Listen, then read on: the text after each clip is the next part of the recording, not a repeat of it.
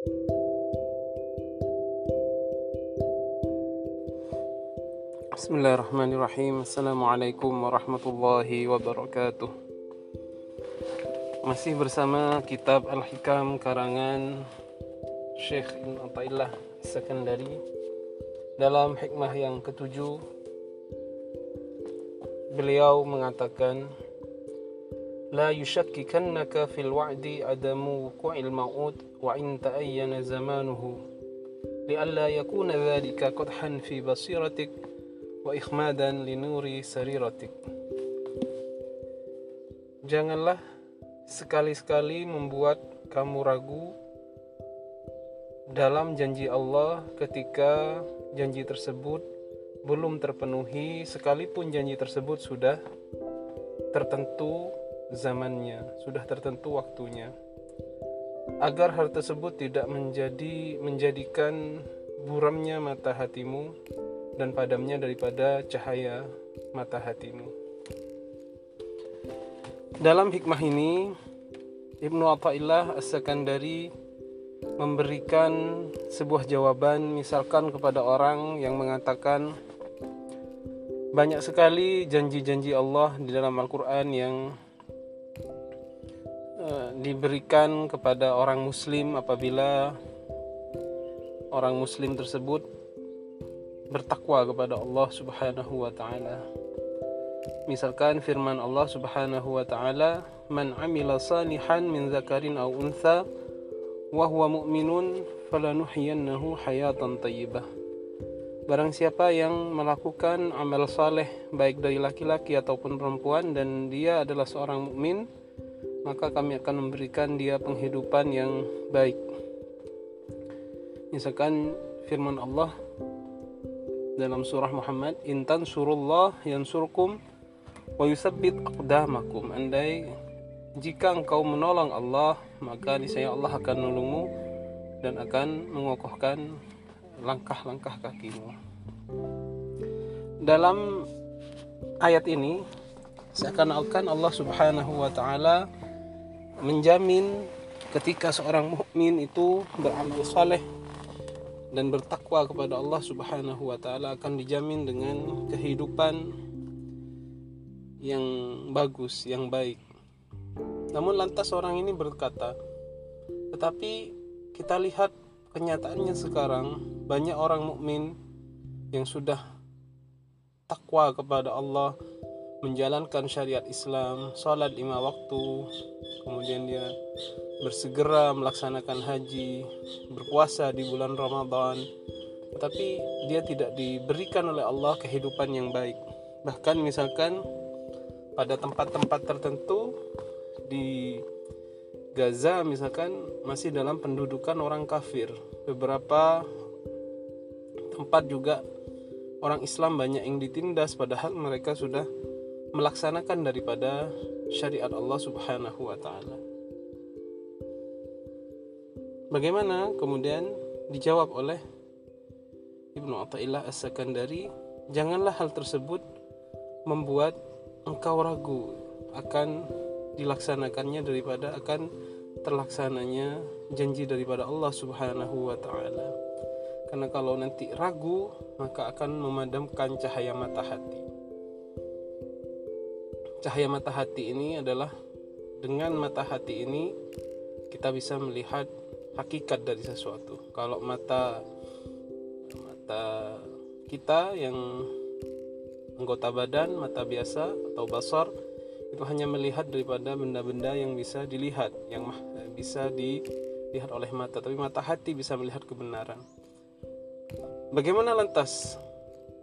Apakah Allah tidak menepati janjinya kemudian nah, maka menurut Syekh Ramadan Al-Buti dalam kitab Syarah Al-Hikam orang ini sebenarnya terlalu melihat dari sisi-sisi bahwasanya Allah harus memberikan sesuatu atas apa yang sudah kita kerjakan. Artinya menuntut haknya kepada Allah Subhanahu wa taala tanpa dia melihat apakah dia sudah menunaikan kewajibannya dengan baik kepada Allah Subhanahu wa taala.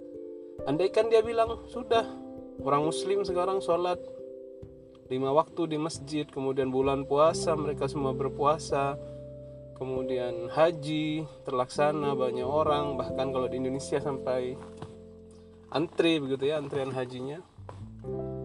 Eh, menurut dokter eh, Syahid Ramadan Al-Buti itu hanya tampak luar daripada syiar-syiar Islam. Memang tampaknya seperti itu tetapi kalau kita lihat lebih jauh misalkan dalam uh, apa, ruang lingkup keluarga maka kita akan melihat bahwasanya sekarang Islam itu hanya seperti hilang daripada esensinya. Begitu banyak orang yang sudah uh, Islam tetapi dia lebih mengagungkan misalkan uh, daripada duniawi unsur-unsur yang dunia yang penuh dengan tipu daya ini artinya jarang sekali kita melihat seorang muslim itu yang benar-benar menerapkan ajaran Islam totalitas dalam dirinya. Artinya dia e, melaksanakan Islam bukan hanya syiar bukan hanya sholatnya saja bukan hanya puasnya tapi secara suluk secara kepribadian dia sudah e, ber, berislam daripada pribadiannya itu tersebut. Nah makanya kita lihat sebenarnya keadaan kita masih seperti itu. Banyak e, di kalangan orang muslim sekarang yang berlomba-lomba mencari duniawi. Kata beliau kalau orang sudah melihat dunia ini dengan kacamata yang sangat besar maka di situ e, agama akan menjadi kecil. Sebaliknya apabila agama dia lihat dengan dia adalah dengan pandangan yang agung agama adalah sesuatu yang besar maka dunia akan menjadi kecil baginya. Nah, nah dari itu sebenarnya memang sampai sekarang orang muslim belum kita katakan belum memenuhi hak-hak Allah Subhanahu wa taala. Contoh yang lebih tegas beliau contohkan Nabi Muhammad Shallallahu alaihi wasallam. Beliau adalah orang yang sangat mengetahui hak-hak Allah Subhanahu wa taala.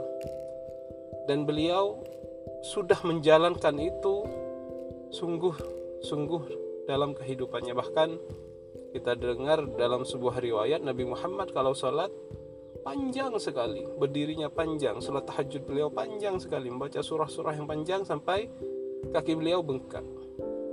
Sampai segitunya. Akhlak beliau siapa yang tidak kenal? Pasti baik sekali.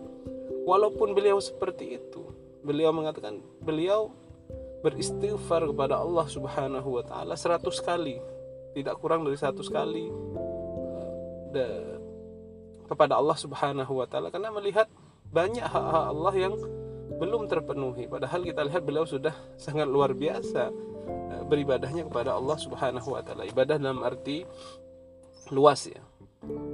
Nah ini Nabi Muhammad sallallahu alaihi wasallam. Nah makanya dalam hikmah ini jadi Allah tidak akan pernah ingkar kepada janjinya asalkan kita mem, apa, melaksanakan kewajiban-kewajiban kita dengan sungguh-sungguh memperdalam lagi agama Islam. Bukan hanya dia menjadi Islam yang tampak di luar tapi benar-benar kepribadian kita menjadi kepribadian Islam. Kemudian juga kita melaksanakannya dengan kesungguhan dan ikhlas karena Allah Subhanahu wa taala